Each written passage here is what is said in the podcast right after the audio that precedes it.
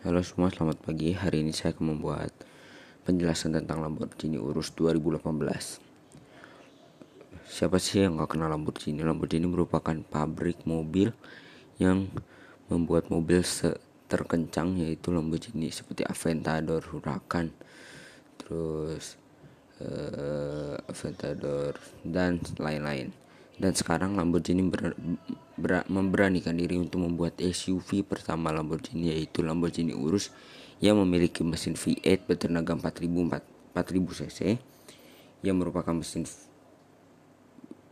yang memiliki tenaga yang besar.